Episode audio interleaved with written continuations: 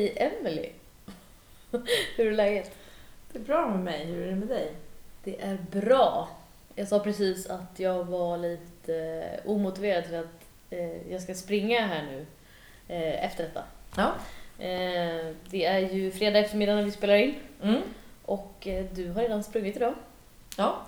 Alltså jag hade ju väldigt mycket jag skulle göra idag för jag skulle, vi spelar in från Stockholm Mm. Eh, och jag skulle hinna rida massa hästar och eh, göra massa annat innan jag åkte till Stockholm. Och sen så vet jag ju att jag är mest motiverad att springa på morgonen. Mm. Så att jag fick gå upp eh, väldigt tidigt i morse för att Mm. springa.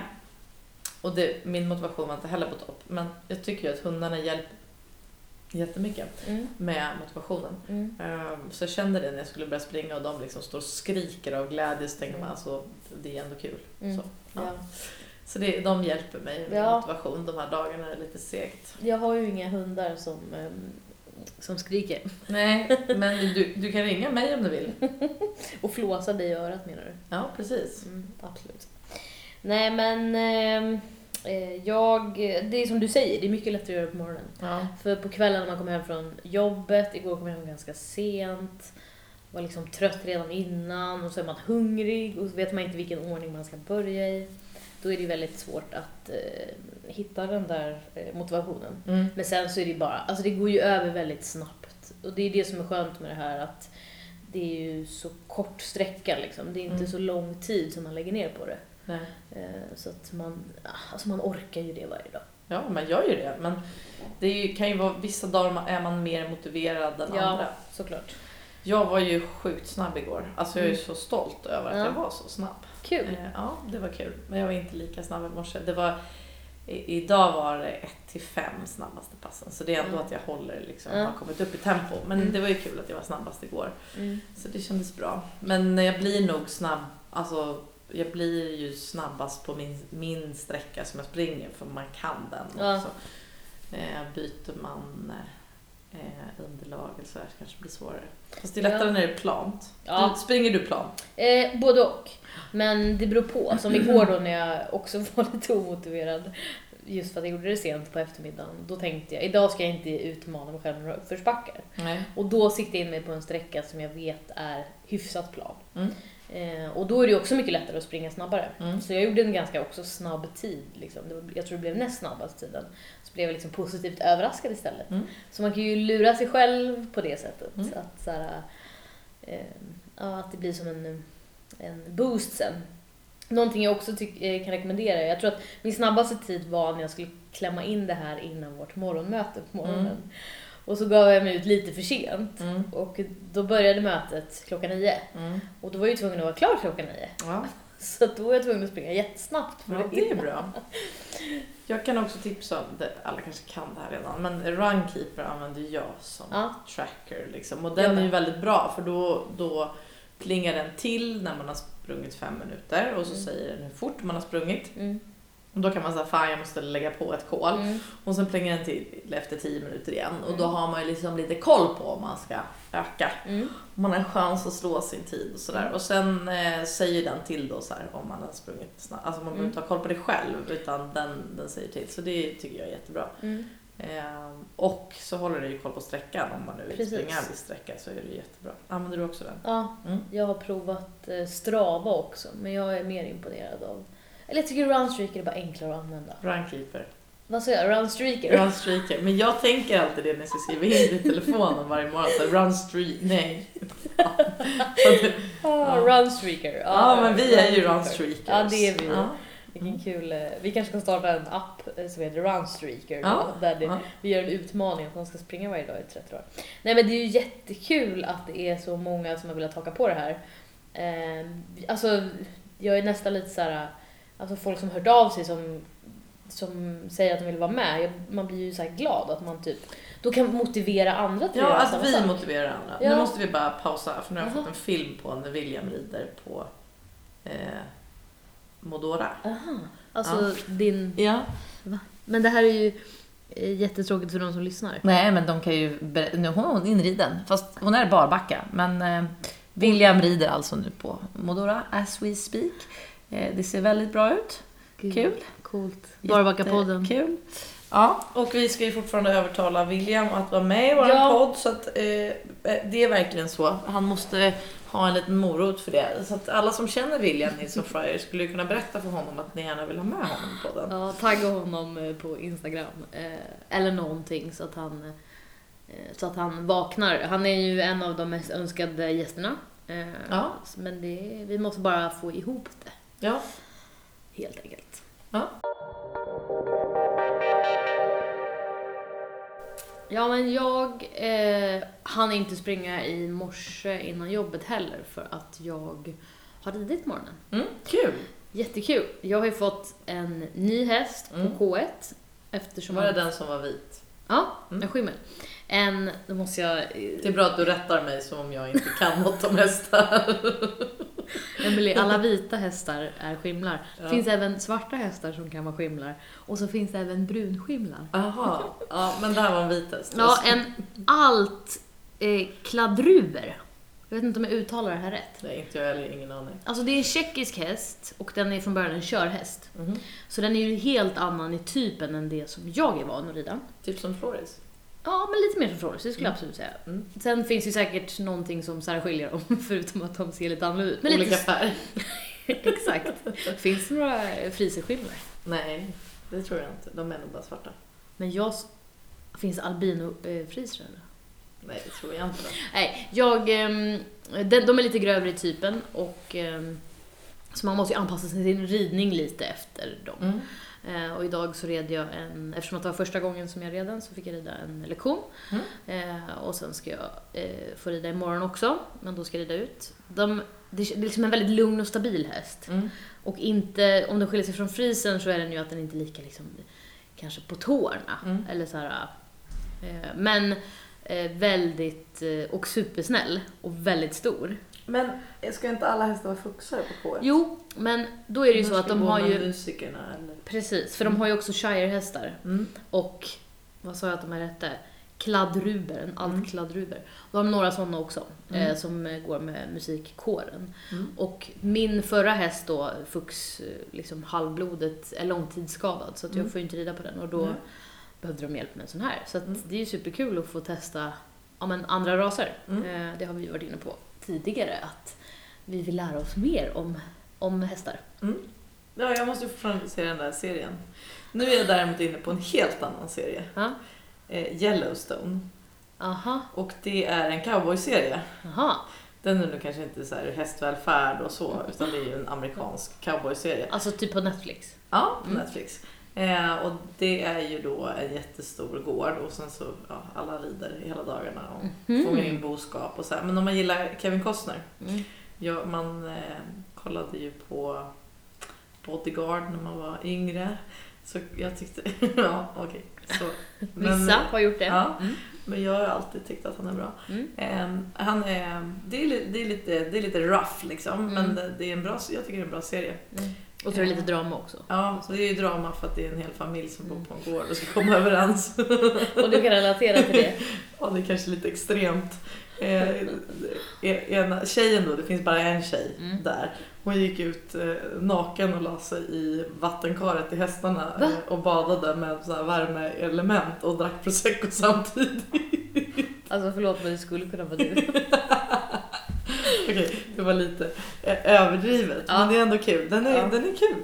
Ja, Yellowstone. Men är den ny eller? Nej men den är ganska ny tror jag. Ja. Eh, Men eh, alla i min omgivning, ja, all, de flesta jag pratar med då, då i min omgivning som ser det här är ju Mm. äldre än mig. Men Mm. mamma och pappa och jag tror din pappa har snart också börjat titta på den. Så alla de har börjat eh, anamma den. Kul! Då kanske jag ska kika på den för jag behöver en ny serie. Ja, men det, än så länge är det ett tips. Mm. Eh, Mm. Kul. Det är ju så med, och jag vet inte varför, men hästmänniskor att allting som, som är med hästar blir ju så mycket roligare för Ja. att det är hästar med. Sen kan man ju liksom, nu pratar vi om hästvälfärd och sätt att hantera det. Man får inte glömma bort att det är en serie. Nej. Eh, Det börjar ju med att det är någon häst i en, en, en olycka som han måste Mm. skjuta själv liksom. Och då Mm. blir man ju såhär, jag bara hur ska jag klara av att se den här? Men Mm. Man får inte heller glömma bort att det är en Vänta, jinxade du nu nyss precis eh, vad som händer i första avsnittet? Nej men det, det börjar ju typ Ja, okej. med det här så att man ska inte avskräckas av att det händer för att de skjuter inte hästar varje dag. Fortsätt kolla efter att han har skjutit sin häst. Ja, eller så får man kolla på en helt annan serie. Det här var bara en, Ja. kul infall. Liksom. Nej, men jag, och speciellt när man är så svältfödd på hästar som jag är just nu. Eller alltså, jag är van att ha mycket mer häst i mitt liv än vad jag har nu och då har jag ändå mer häst än vad jag har haft tid, alltså i andra perioder. Då blir man ju så att man suger åt sig av allt. Okej, ett tips, eller en, en till grej ur den här serien då, Mm. som gör att liksom, det är ändå kul när, när vissa saker är roliga. Det är ju att det är en, jättes, eller en jättesvår hingst som ska ridas in och Mm. det är bara en kille som klarar av det. Och då så till slut sätter de en av så här, nybörjarna, så, någon sån här riktig eh, låg ner i rang eh, dräng, eh, sätter de upp och tejpar fast handen på den här cowboysadeln med silvertejp. Och så får han liksom rida tills den är inriden. Men vadå, eh, men han hänger löst hela tiden? Ja, men han sitter ju kvar för att han... Men bara för att man tejpar min hand i sadeln så betyder kanske ska det. prova det på dig. Nej, det- ja, alltså jag hade ju gjort illa mig mer tror jag. Ja, nej men alltså det, allting är väldigt extremt Ja. men det är ändå ja, Ja, det är det, speciellt. det låter som någonting som jag skulle kunna tänka mig att titta på. Mm. thank you Annars skulle du också kunna fråga hur det är med mig, Victoria. nej, för jag började prata om mig själv i alla fall så du behöver inte fråga. Emelie, hur mår du? Alltså, du rider ju på som eh, vanligt Men nu. jag tror att du frågade hur jag mår. Ja. Jag sa kanske jag mår bra. Men- nej. Men eh, hur känns hästarna? Eh, vi pratade lite om det här i förra avsnittet, men du är igång och rider som vanligt Mm. och det går fortfarande bra. Ja, och de känns ju som om jag inte har vilat. Nej. Eller så, jag har vilat. Ja, men som om det inte har varit ett uppehåll för Ja. att Claes har jobbat dem och Mm. det är ju superbra. Mm. Så att de känns eh, sjukt mycket på G och jag känner mig sjukt mycket på G. Mm. Jag var ju lite Kul. mör i kroppen sist vi poddade för att jag hade ridit så mycket. Har Ja, du hade träningsvärk. Ja, men nu har jag ju liksom, nu är jag i fas igen Mm. kan vi säga. Ehm, så att, eh, nej men det är, det är många hästar som ska ridas nu och mycket kul som händer. Och jag ser fram emot den här vinterträningen nu med så Mm. många fina hästar. Mm. Och nästa år är liksom Robban och Ossi sju, alltså då är de Shit. ju stora killar. Mm. Det är roligt. Hur går, vad är det man ska kunna när de är sju? Alltså, Ja, halvpiruetter och byten i serier. Shit. Så nu trimmas det för fullt på Mm. samlad galopp och galoppombyte. Mm. De är stora nu. Ja, och jag pratade ju om de här plastbetten sist. Eh, eller sist, nej, något avsnitt. Ja. Folk har frågat mycket om det. Mm.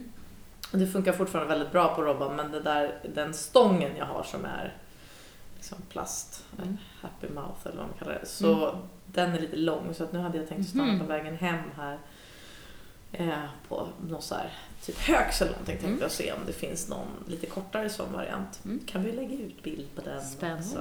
Ja, och sen har jag ju upptäckt, jag har ju köpt de här finess Eh, Trensen mm. har jag, Trenset har jag till Tesla och eh, Kandaret har jag till Kopper. Mm. Och de är ju jättetjock vaddering i nacken. Mm. Eh, det finns ju mycket ergonomiska modeller idag på Mm. Trends. Men jag, eh, Kopper har ju haft jätteproblem med att hon har varit över nacken. Mm. Och hon har ju haft jättesvårt med bett och nosgrimmer och sånt överhuvudtaget. Och jag tror jag har provat allt. Mm. Och på henne var det jättestor skillnad med eh, finesskandaret. Mm.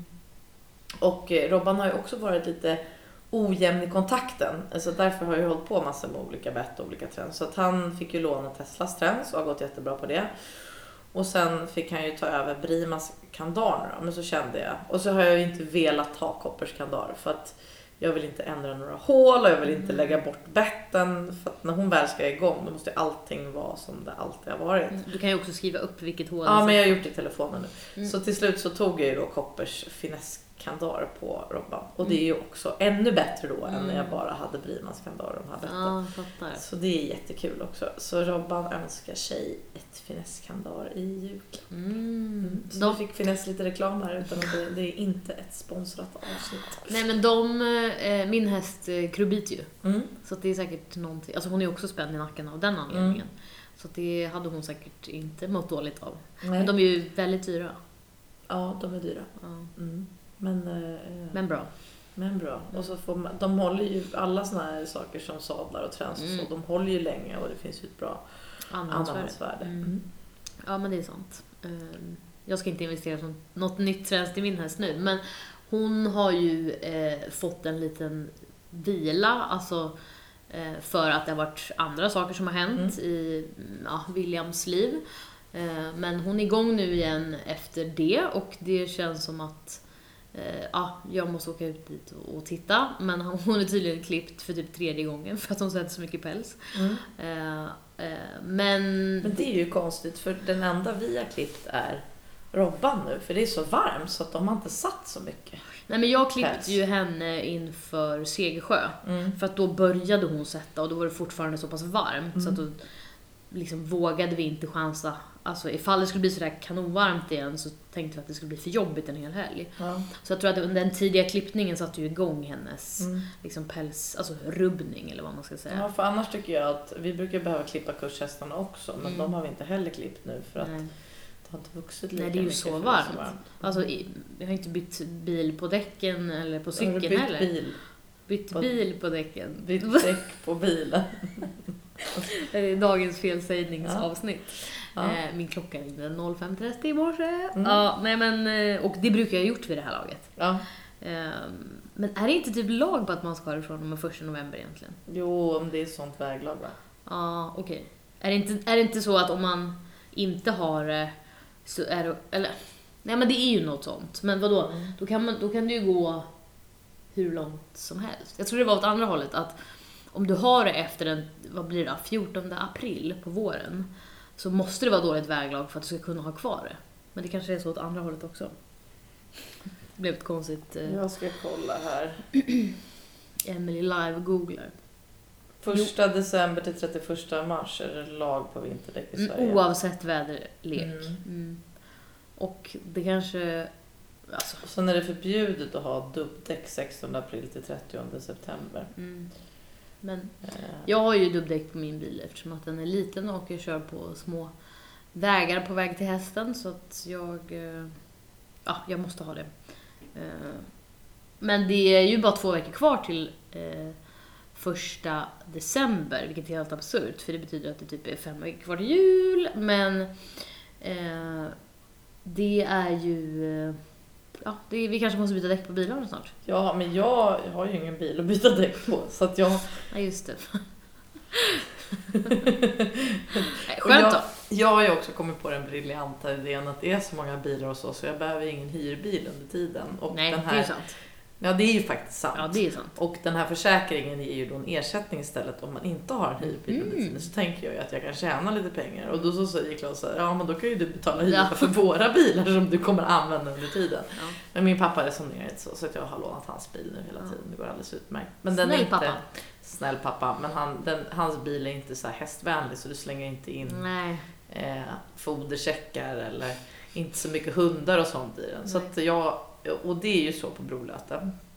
Att man tar bilen ibland. Ja. Eh, Eco-driving. Brolöten eco-driving. ja. Ja men det är ju oftast för att man har så mycket grejer. Man ska Ja. med sig. Om jag har köpt saker och sådär så vill man få med sig allting ner. Mm. Och sen ibland har man jättebråttom eller någon ringer och hänt någonting och då tar man bilen också. Mm. Eh, eller om man är försenad till en lektion och så. Så det händer ju att man åker bil även på gården. Mm. Men nu har jag ju ingen bil Nej. att köra eh, ner till ridhuset. Så att det, nu blir det ekospringning. Om Lagom det till runstreaken. Ja precis. Nej men så vi, vi eh, jag brukar ju också ibland ta bilen för att hundarna ska med för att de blir så jäkla skitiga när de springer. Men Mm. nu får vi städa tassarna istället. Mm. Eller springer bort. Ja, det händer också att hundarna springer bort. Ja. Den vanligt, eh, mest vanligt förekommande meningen som sägs på Brolöden är ju ninja, Ja. fast i ett annat tonläge. ja. Ninja! Men hon är ju alltid där vi är. Ja. Bara, bara en liten bit bort. Ja, men det är också kul att ni envisas och pratar med henne hela tiden. Ja. Hon bara, låt mig vara, jag vill vara ensam. Ja, men jag måste ha koll på henne. ja. Ja, men du eh, bloggar ju också Ja. och har gjort det ganska länge. Mm. Och eh, förra veckan så skrev du ett, eh, ett omdiskuterat blogginlägg gällande mobiltelefoner i stallet. Mm. Precis. Vad... eh, Vi sa att vi skulle prata om det i förra avsnittet egentligen, men sen så blev det väldigt långt. Eh, Men vad... Men berätta. Nej men jag har väl en osund relation till min telefon. I första hand för att jag är tillgänglig. 24-7 och jag jobbar här i Stockholm på IT-företaget och sen så försöker jag driva Brolöten. Och eh, alla i personalen vill få kontakt med mig och alla i familjen vill få kontakt med mig. Och alla kunder vill få kontakt med mig och alla elever. Eh, det känns ju som att man, man måste alltid vara tillgänglig på mail till båda företagen. Och man måste alltid vara tillgänglig på sms eftersom att det är elever och folk och personal på gården som måste kunna få tag på en. Mm. Ehm, och då har jag ju också gjort mig tillgänglig. Mm. Så att alla räknar ju alltid med att få en reaktion från mig. Ja. Eh, och jag är ju sån som person att jag alltid vill vara tillgänglig också. Så att jag har ju gjort mig ganska tillgänglig. Mm. Eh, men, och sen så har jag ju många följare på Instagram och då känner man ju ett behov av att både filma och lägga ut på sin händelse och eh, hålla sig uppdaterad. Jag kan ju gå in och kolla jätteofta när jag lagt ut en film om jag får kommentarer så att det inte är några konstiga kommentarer eller Mm. att man ska få bli lite glad om någon tycker att ens häst är fin eller så. Mm. Och där kommer det ju kanske till att den här osunda relationen, både att man, att man måste filma ibland i stallet och sen att man eh, liksom det här att man måste gå in och kolla. Mm.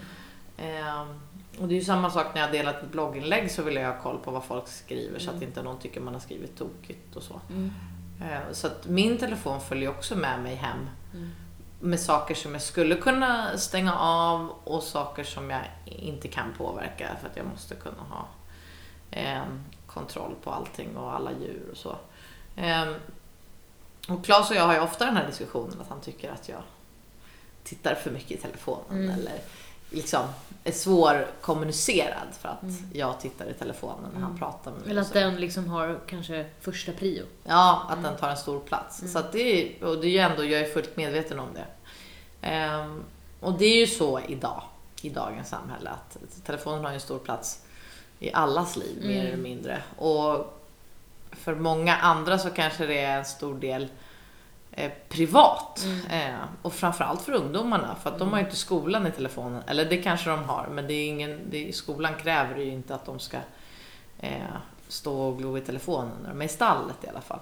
Eh, och det jag har reagerat på är ju att det är många föräldrar som tycker att det är väldigt bra att vi har mobilförbud på eh, måltiderna på ridläger och att Mm. de får lägga undan telefonen när de är i stallet. Mm. Jag tycker att det är en självklarhet. Mm. Eh, men sen har det varit väldigt tydligt och jag har inte tänkt på det så mycket förut men jag har tänkt på det väldigt mycket nu att när jag rider inför eleverna på ridlägerna så tittar de ju väldigt mycket I i telefonen. telefonerna. Ja. Och de är inte så intresserade av att filma för om du ber någon att filma då av de här eleverna som sitter. För det tänker jag ändå att det kan, de tycker är lite kul liksom. Mm. Men det gör de inte så mycket. Utan Mm. de eh, tycker nog att det är lite jobbigt att filma och ställa sig i mitten och så här. Men Mm. de eh, sitter ju och snapchattar och Mm. pratar med andra under tiden när man Mm. kanske har en teorilektion och så. Och det är ju rätt störande. Ja. Eh, och sen eh, har jag ju sett det här nu och det har jag inte tänkt på någon gång förut. Så mycket som jag tänkt på i år nu i höst när vi har haft många provridningar på våra ponnyer. Att ungdomarna inte filmar ponnyn de är och provrider Nej. eller tittar på. Eh, utan sitter och tittar ner i sina telefoner och Mm. kommunicerar med någon annan. Och Mm. då är ju föräldrarna är där för att köpa en ponny för ja, mellan 80 och 100 000 till barnen och Mm. barnen tittar hellre i I telefon. telefonen. Mm. Och då blir man ju helt galen. Men det är någonting som inte riktigt och jag förstår för att vi är inte på TikTok och vi har inte Snapchat som Nej. vår liksom huvudkommunikationsplattform. Nej. Eh, vilket gör att vi tycker ju att det här är helt liksom sjukt och de reflekterar ju inte ens över det. Nej, men vi är ju ändå vana så här, om man skickar ett sms så kan man ju då kan det ju ta 10 minuter, en halvtimme Ja, ja. innan man får svar. Ja. Men så är det ju inte på Snapchat utan Nej. där är det ju vändande liksom. Mm. Och det kanske är, jag, jag vet inte men det, det är oroväckande och det är oroväckande eh, alltså när du kommer till stallet då måste du ju vara 100% fokuserad på hästarna. Ja. Du ska ju inte gå och prata med någon annan och du ska inte gå och titta i någonting annat. För att Nej. eh, de yngsta hästarna, Mm. de läser ju in allting du gör. Ja. De äldre hästarna har ju lärt sig att hon kan stå och prata med någon annan och ibland hon vifta med armen är inte till mig. Men de yngsta hästarna, de är ju 100% på för det är så de kommunicerar. Mm. Så de läser ju in allting du gör. Så du kan ju inte gå fram till en treåring och ställa dig och titta i mobiltelefonen Nej. för då kommer den ju liksom det är så den kommer se dig. Mm. Som någon som... Mm. Är lite nonchalant mot Ja, den. precis. Mm. Det är inte alls någon bra kommunikation Nej. med hästarna. Utan när man är med hästarna så ska man ju vara 100% fokuserade Mm. på dem. Mm. Och det är väl någonting som man... Nu blev det ju faktiskt eh, i TR 2021 så är det ju såg det. förbjudet att eh, ha telefon till häst Ja. på tävlingsplatser. Skitbra. Och det är ju några av oss i vårt Instagramflöde, eh, eller av, vi, av oss Instagram-profiler som kommer säkert behöva tänka till som har haft Ja. suttit och väntat på sitt resultat på hästryggen och haft telefonen i handen eller Mm. filmat när man skrittar med rosetten eller någonting. Mm. Eh, Men det är ju bara att be den som står på backen egentligen att göra samma sak. självklart, Alltså, och man ska ju inte ha den där så det är ju helt rätt. Ja. Men det är ju bra att, att att det kommer med. den typen av regler. Verkligen. Eh, men jag tycker vi ska vara ännu lite tydligare med de här reglerna Mm. eh, i stall Mm. mot ungdomar. Mm. För hästarnas skull Mm. också. Nej, och sen så, eh, du är ju inne på det här med att det ska stå någon på backen och filma hästen för att du vill se hur det såg ut sen när du hoppar av. Ja. Eller för att du ska kunna analysera och du tänker Mm. att de som provar en häst kanske vill analysera filmen. Ja. Men jag, det som jag ofta tänker på eh, när det är yngre personer så är det att de kanske typ filmar sig själv istället för hästen. Alltså Ja. så här att de, det är inte fokus på eh, djuret utan Nej. det är liksom så här. Jag vet inte om det också kommer från hela den här liksom så här selfie och influencer-grejen. Ja. Att det bara är fokus på liksom personen och det är så många stora influencers som inte är inom ridning som Mm. också är sådär Titta på mig, det här gör jag. Alltså att det blir liksom också så här egocentrerat på ett sätt som i ridsporten är man ju alltid två. Alltså det är Ja. ju hästen och du som är ett ekipage. Så att man inte får glömma bort det liksom. Nej. Och man sätter hästen först och inte sig själv i det läget. Sen kan man ju göra det all annan tid, men inte just där och då. Och så kommer vi in på det här med hur man agerar som förebild. Och det, var- I mitt blogginlägg så är jag ju väldigt ödmjuk för att vad, hur ska jag kunna slå alla ungdomar på fingrarna när jag också håller på alldeles för Mm. mycket med min telefon. Och Mm. någonstans så är det ju det, jag kanske kan skritta min häst och filma samtidigt eh, utan att det är någon fara. Mm. Men hur ska Lisa, 11 år, eh, förstå att inte hon kan göra det och då har hon släppt båda tyglarna och sen händer någonting så att hon ramlar av Mm. för det. Mm. Jag har också tänkt på, nu kommer vi bli halshuggna, men jag gillar inte det här att man har telefonen på sig så mycket. Och nu är det de här toppmoderna ridbyxorna, nästan alla ridbyxor kommer Har en mobilficka? med Ja, på benet. Mm. Och då har jag alltid tänkt på så här, vad händer om man går omkull med en häst och kanske hamnar under någonting och så ligger, eh, alltså om telefonen skulle gå sönder när den ligger på benet. Det kan ju inte vara Nej, du gör så det ju himla bra. jättemycket illa dig. Ja, det kan inte vara så bra. Och sen är det, det är bra att telefonen finns nära om någonting, händer. händer när man Mm. rider ut och så Mm. vidare. Men när man tränar dressyr, då Ja. ska ju inte den, eller dressyr eller hoppning eller på markarbete på en ridbana, då ska, ska inte inte. telefonen ta någon uppmärksamhet alls. Nej. Det är ju kanske vid en uteritt då som det är bra att bära med sig den. Ja, som Då sagt. kan du ju sätta den på flera olika sätt. Man be- behöver kanske inte ha den mot kroppen. För Nej. det är ju samma sak där. Du har ju kanske telefonen på ljudlös, men Mm. du kommer ju känna av att det vibrerar. Mm. Eh, Så ju närmare den är kroppen, desto mer kan du bli distraherad av den. Ja, Och det är så onödigt att den tiden som man spenderar ovanpå ryggen ska bli liksom kapad av sin telefon. ja, men den ska inte ta, ta något fokus. Och, och jag tycker ju att det är viktigt att vi som är förebilder, det är ju samma sak med hjälmdebatten och hattdebatten, att det kanske inte är Isabelle Wärd som i första hand kommer ramla av inne på en stor arena och att Nej. hon behöver skydda sitt huvud och hon bestämmer kanske över det huvudet själv. Men Mm. det är hur många är Isabelle Wärd en förebild till Ja. och är det inte bra då att hon har hjälmen på sig? Jo, alltså jag har läst så många eh, artiklar som kommer utifrån det här, Mm. alltså så här pro-hjälm-personer. Eh, och det som gör mig så så här rädd efter att jag nu, vi har pratat om det här förut men jag har slagit i huvudet två gånger på kort tid, är att det räcker ju bara liksom med en avramling till. Eller det, Mm. Man behöver inte ens ha två i bagaget för att hamna där, men det är så lätt. Du vet, då hamnar jag i kommentarsfältet under de här artiklarna på typ Facebook och blir liksom så här att jag nästan tänker typ så här, ska jag fortsätta rida? Alltså så här för att jag för att jag blir så avskräckt av personer som då kommenterar så här. Ja. Jag åkte av en gång, är fortfarande hjärntrött, har ont i huvudet, Mm. la la la. Och så här, det är sån så här mardrömsscenario. Och det är ju så många som har råkat ut för det. Ja. Oavsett om, alltså det har ju ingenting med hatt att göra egentligen. Alltså så här, utan det händer ju med hjälm också. Men därför tycker jag att den diskussion, alltså hattdiskussionen är inte ens någonting att diskutera. Men jag har ju varit med om, jag var ju med om en jätteallvarlig ridolycka när jag skulle ta studenten, eller några månader innan jag skulle ta studenten. Det är ju längsta tiden jag varit inlagd på sjukhus tror jag. Eh, och då var jag ju, alltså jag vet inte om det tog flera dagar innan jag kom ihåg. Eh, och jag såg ju ut, alltså jag var ju så svullen i hela ansiktet så att det var ingen som kände igen mig. Jag såg ut som jag hade påssjukan för att jag Mm. var så svullen. Och den gången är jag ju helt säker på att hade inte jag haft hjälm då så hade jag ju dött. Ja. För den var ju helt sprucken den hjälmen. Mm. Och det var ju, olyckan skedde ju när jag hade suttit upp på hästen och så, så stod still. Mm. Så jag satt upp på hästen och skulle driva den framåt. Innanför då, fyra väggar. Ja, och då flög jag ju, liksom jag bara flög Mm. rätt ner i backen Mm. från stillastående. Så att jag menar, det är, för mig är det, och sen dess så har jag ju liksom verkligen haft stor respekt. Mm. Och det är som det här med rökning, alltså man visste ju inte då det man vet idag. Nej. Så att det, det man kan inte säga så här, ja men du har ju alltid rökt. Eller de som började röka när, när våra föräldrar var yngre. Mm. Man visste, det gjorde ju alla. Man visste ju inte det Nej. då som man vet idag. Eller bilbältet. Ja, men idag så finns det ju en helt annan forskning, en Ja. helt annan statistik. Så det blir så svårargumenterat tycker ja. Nej, verkligen. Eh, så.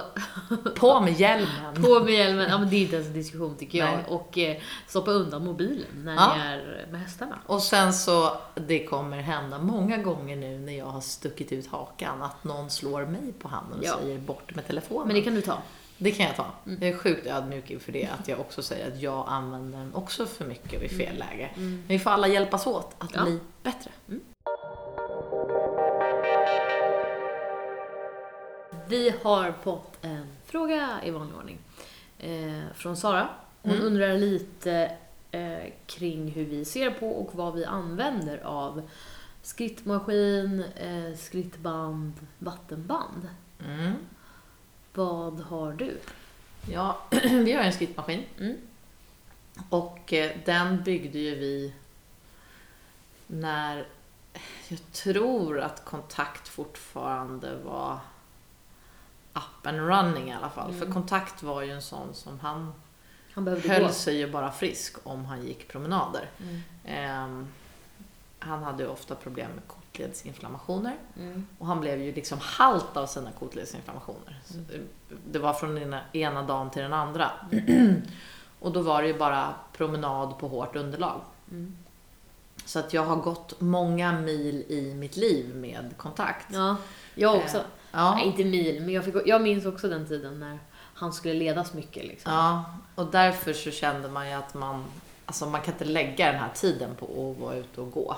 Och det är ju många ryttare idag som fort, när folk frågar så har du skrittmaskin? Nej, jag har personal. alltså så här, Mm. jag motionerar min personal. Mm. Typ, aha. Mm. Men alltså att det är många som fortfarande låter folk gå mycket med hästarna. Eller så går de själva och det kan man göra om man tycker det är kul. Men eh, det tar ju väldigt mycket tid att ha hästar i rehab. Det gör Eh, det. Ja, eh, och jag vill ju alltid ge de hästarna som är på väg under igångsättning eller har problem med skador de bästa förutsättningarna. Mm. Sen vill man ju också förebygga skador. Mm. Och bästa sättet att förebygga skador är ju att hästarna hålls i rörelse. Mm. De är gjorda för att röra på sig jättemycket och så här års när det är små paddockar, leriga, så står de ju still väldigt mycket och då är det ju jättebra Mm. att eh, de får röra på sig Mm. mer. Så vi har som rutin att alla tävlingshästar går i skrittmaskinen på morgonen. Ehm, och sen går de ut i hage. Och sen skrittar jag fram dem. Eh, men för att spara lite på personaltiden, Mm. eh, eller vi som sköter hästarna, eh, och att de ska få en garanterat bra avskrittning, så går de i skrittmaskinen istället efter ridpasset om Mm. de har tränat hårt eller om de inte har hunnit skritta av. Mm. Eh, Så att skritt på morgonen i skrittmaskinen och sen skrittar vi fram för hand eller till häst. Mm. Och sen när de har gått riktigt tuffa pass eller om de inte hinner, då brukar de få skritta av i skrittmaskinen så att de får gå längre tid där. Mm. Eh, förut så skrittade jag också fram hästarna i skrittmaskinen men då blev det alltså nästan lite för mycket. Ja. Men har du en stökig häst, kanske en, en, en stökig fyraåring som har vilat och ska igång, då är det ju jättebra att rasta av dem lite, att de får Mm. gå lite i skritten först. De lugnar ju ner sig liksom i typ psyket på något Ja, sätt. nej, men det är bra för dem. Så det kan man ju verkligen göra innan. Och mina hästar får ju det lite ändå eftersom att de går där då halv åtta på morgonen så har de ju rört på sig innan jag ska rida Ja. ändå sen. Det vet jag att det det är också en väldigt bra grej för att när man har ridit då så liksom, då ska man ju ta hand om sadel och träns och man kanske måste bort en bajshög. Det är perfekt då att släppa ut hästen i skrittmaskinen efter man har ridit. Ta Ja. hand om allt det. Ja. Alltså det blir sån effektivitet i det hela. Ja, och det är klart att för oss som har så många hästar så sparar det ju ganska mycket tid. Ja. Har man en häst så kan man ju gå de där promenaderna Ja. och ha den där framavskrittningen. Men med en stor verksamhet så är det ju jättebra. Ja. Ehm, och sen är det ju, om man ska prata någonting negativt med skrittmaskin så är det ju att de går runt. Mm. Ehm, sen finns det väl en del forskning på det där. Man har provat att bygga ovala skrittmaskiner så att de går på Ja. eh, en rak sträcka och sen böj. Ja. Men eh, jag, jag tycker ändå att eh, eh, de, den mängden vi gör så fungerar det ganska bra med Mm. skrittmaskin. Det är ibland när de är under igångsättning som veterinären rekommenderar att man bara ska leda för hand istället för att de ska Mm. gå rakt. Eh, Men sen finns det ju, en, det är ju många som har skrittband istället och det finns ju en fördel med skrittband. Även om jag tycker det är lite läskigt för jag kan ju Mm. inte det där så bra. Nej. Jag är mycket tryggare att sätta in en ny häst i skritten än att få upp den på ett skrittband. ja, för där har de ju ett utrymme för att röra på sig på ett annat sätt. De har ju sin folla Ja, och som de kan leva rövare i om Ja, de precis. vill. Liksom. Men de får inte börja leva rö- rövare på ett skrittband. Nej. Då kan det ju få helt förödande konsekvenser. Ja. Och många hästar tycker att det där med bandet är lite obehagligt. Liksom. Mm. Men det är ju förvånansvärt många som funkar på det. Och Men, framförallt så är det ju väldigt bra för att du kan ju ändra eh, nu håller jag på att säga gradient. Eh, att de kan gå i uppförsbacke. exakt. Det är ju det som är den största fördelen med ett band. Att Ja. de kan bygga muskler på ett annat sätt för att Mm. de går lite i uppförsbacke. Mm. Så att där finns det ju otroliga fördelar att ha ett skrittband. Och vi åker till eh, William Mm. och låter dem gå på bandet. Mm. Eh, De hästar som behöver. Kopper och Robban har gått en hel del i år på, Mm. på Williams skrittband i uppförsbacke. Mm. Och sen hade vi förmånen att ha ett eh, sånt här vattenband. Mm. Eh, väldigt nära Brolöten där man kunde åka och träna hästarna. Och det är ju jättebra för hästar som har haft senskador eller just rehab. Eh, och jag har faktiskt tittat själv på möjligheten att ha ett sånt men det är ju så Dyrt. och det är jättedyrt i Mm. inköp och sen är det ju otroligt mycket jobb kring att sköta det. Ja, och så här, att man byter vatten typ varje vecka och, och när de går där ska man fånga bajsar och Exakt. hästarna måste vara rena innan och spolas av efter. Ja, och det kräver ju, det gör det ju på ett, på ett skrittband också. Det kräver ju Ja. en person i resurs. När vi sätter in hästarna i skrittmaskinen på morgonen, Ja. då kan ju vi ha eh, sex hästar som skrittar samtidigt. Mm. Och eh, man, en person kan vara i stallet eller släppa ut hästar och ha koll på hästarna Ja. samtidigt. Har du ett skrittband, då går det en häst Ja. åt gången och en person måste stå där Ja, hela tiden. ja. Men å andra sidan, bajsen åker ju ut bak till på ett annat sätt än vad man gör en vattentank. Så att man behöver ju ha koll på den för att den inte ska få panik när den går Ja. där. Men man behöver inte bara dessutom agera bajsfångare. Nej, men på ett vattenband måste du ju ha en övervakare Mm. hela tiden. Liksom. Mm. Eh, så att det blir svårt att finansiera det där om man skulle bestämma sig för att köpa. Jag har fått något i halsen. Om man skulle köpa ett sånt där vattenband och tänka att man ska ha det som ett rehabupplägg. Mm. Då måste man ju ta väldigt bra betalt. För Ja. att om det är en person som ska stå där och vara Mm. med hela tiden och sen så ska det finansiera Mm. eh, kostnaden för bandet plus gärna en liten intäkt Mm. så blir det ett väldigt dyrt, Dyrt. träningspass för en halvtimme. Mm. Mm. Men du har provat alla tre. Ja, Mm. Och det som är ja, men enklast det är ju en skrittmaskin. Liksom. ja det är ju, alltså för våran verksamhet så är det ju självklart det som vi väljer i första hand Ja. för att man kan använda det mest. Men eh, om jag skulle komplettera med någonting så skulle det vara ett skrittband, inte ett vattenband. Just för att de kan bygga muskler på ett annat sätt när de går i, Uppförsbacke. i uppförsbacke. Vad tänker du kring underlag i skrittmaskin då? Men det är ju bra att det är hårt men de får Mm. inte halka. Nej. Så vi har ju eh, asfalt och sen har vi lagt in eh, eh, sand och spån. Mm. Inte, det får inte bli för tungt utan Nej. bara så att de inte kan halka. Nej. Så hellre för hårt än för mjukt helt enkelt. Ja, och sen är det ju självklart att det är bra att ha tak på Ja, sin skrittmaskin för att då har du ett underlag som funkar just det. Året om. Ja, för det är ju också antar jag en kostnadsfråga. Alltså, Mm. Gör man den billigaste sorten så är den väl bara liksom grindar mer eller mindre. Ja. Eh, Men det är ju som du säger väldigt skönt att den är utomhus men den går ändå att använda året om. ja, precis. Eh, Ja, men jag eh, kommer ihåg hur det var på Broläten innan skrittmaskinen och jag kommer ihåg efter skrittmaskinen. Och jag tycker ju om skrittmaskinen väldigt mycket. Den, våran är ju väldigt snygg också. Ja, men det är den. Men den, den går ju sönder ibland också. Ja, men det gör, det gör ju allting som man använder mycket. Jo, sant. Men så här, eller typ när det är väldigt kallt och kanske den inte startar. Alltså sådär att det, det, så jag menar, det är ju... Man känner sig helt handikappad när skrittmaskinen inte fungerar. Ja, för då, då blir man ju medveten om hur mycket den gör för Ja. ens vardag. Ja. Liksom. Ja, jag, eh, jag gillar att jag har en skrittmaskin i alla fall. Mm, ja, nej, men jag tycker att det är jättebra också. Ja. Eh, sen så ska ju inte skrittmaskinen ersätta ett ridpass. Nej. För det kan jag ju se många som liksom så äh, den får gå i skritten idag istället. Mm. Och har man en häst så är det ju all kontakt man får med sin häst och då ska Mm. man ju gå och gå den där promenaden istället för att sätta den i skrittmaskinen.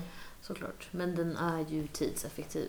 Eh, Så att om man vill mocka under tiden som hästen får skrittas fram eller av så är ju det ett toppenalternativ. Eh, Det känns också som någonting som har kommit typ lite på senare tid. Eller alltså jag vet, det har ju varit stort i så här trav och säkert i galopp också Mm. tidigare. Men jag vet inte, det känns som att det är vanligare nu att stall har det idag. Jag tänker om man som ja. Att man som inackorderad ibland kan liksom Jo, råka det är på nog det. en, en facilitet som liksom eh, eh, folk tycker är ett plus och Mm. därför väljer nog många att investera i att bygga det också. Vi är pro skrittmaskin. Ja, absolut. Du eh, ska ju eh, iväg på onsdag med lite hästar. Mm.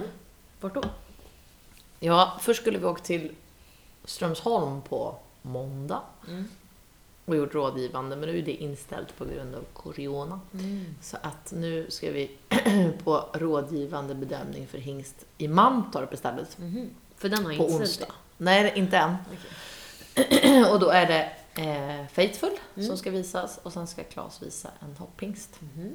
Så Spännande. två hingstar ska åka. Mm. Gud vad spännande. Får du berätta om det i nästa veckas avsnitt. Mm. Vi har ju också spelat in nu vårt 50 avsnitt av podden. Ja, och det är fredag idag så att, eh, nu ska vi fira. Vi kommer vi få fira. fira via eh, Facetime. Men... Ja, team, Teams-appen. Mm. Eh, nej men superkul att ni är så många som lyssnar på oss varje vecka. ja, verkligen. Det är kul att podda, tycker vi. Ja, och mer ska det bli. Och mer ska det bli. Eh, men inte idag. Nej. Nu får vi vara klara. Eh, men eh, avsnitt 51 kommer ju om en vecka. Ja, Det kan vi vara säkra på. Eh, fortsätt gärna att skicka in frågor till oss via eh, Instagram, barbackapodden snabelaggmail.com. Det är inte alls Instagram, det är en mailadress. Jag sa Ja. fel. Dagens eh, avsnitt med flest felsägningar av Victoria. Eh, och tagga oss på Instagram, barbackapodden. Eller mejla eller så. Eh, och fortsätt att dela med er av era runstreaks. Vi följer och hejar på håll. Eh, så kör vi in i kaklet. Jag har ju tre veckor kvar och du har jag har också tre veckor kvar för vi sprang Mm. första minus en dag. För du har redan gjort det nu. Ja, just det. Ja. Okej. Så du ligger en Ah, dag jag före. leder. För allt är tävling. Nej, men jag, tror du kommer fortsätta? Alltså, ja, men, jag, jag känner ändå att... Eh, jag har förklarat det här eh, för min bror, för han undrar lite hur upplägget var. Mm. Att så här, det känns ju som att man typ cyklar till jobbet. Alltså du vet en sån, en, en, det är ju inte en jobbig grej, men det är ändå liksom vard, det blir som vardagsmotion. För det är, alltså det är jobbigt men det är inte uttömmande. Det ersätter ju kanske inte ett, en timmes spinning. Nej. Men det är ändå så en, någonting som man skulle kunna få in i sitt liv. Ja. Så kanske, ett tag så kände jag att jag kan nog bli en sån som springer varje dag. En sån jobbig jävel. Men eh, jag, kanske inte varje dag.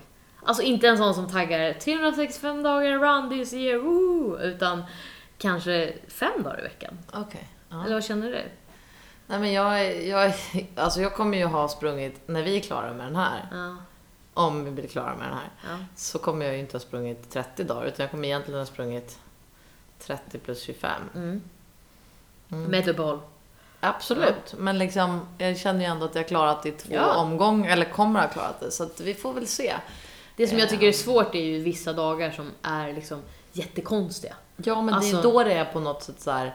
Jag är ju sån rutinmänniska, så jag skulle ju bara ren, på ren liksom, horn, Ja, du skulle ju kunna... pannben fortsätta. Ja. Men vi får se. Vi får Nu se. ska det bli 30 dagar först. Ja, och det är kul att ni gör det här tillsammans med oss. Vi får pepp av er. Mm. Och hoppas att vi kan peppa lite tillbaks. Vi hörs om en vecka. Det gör vi. Hej då! Hej hej!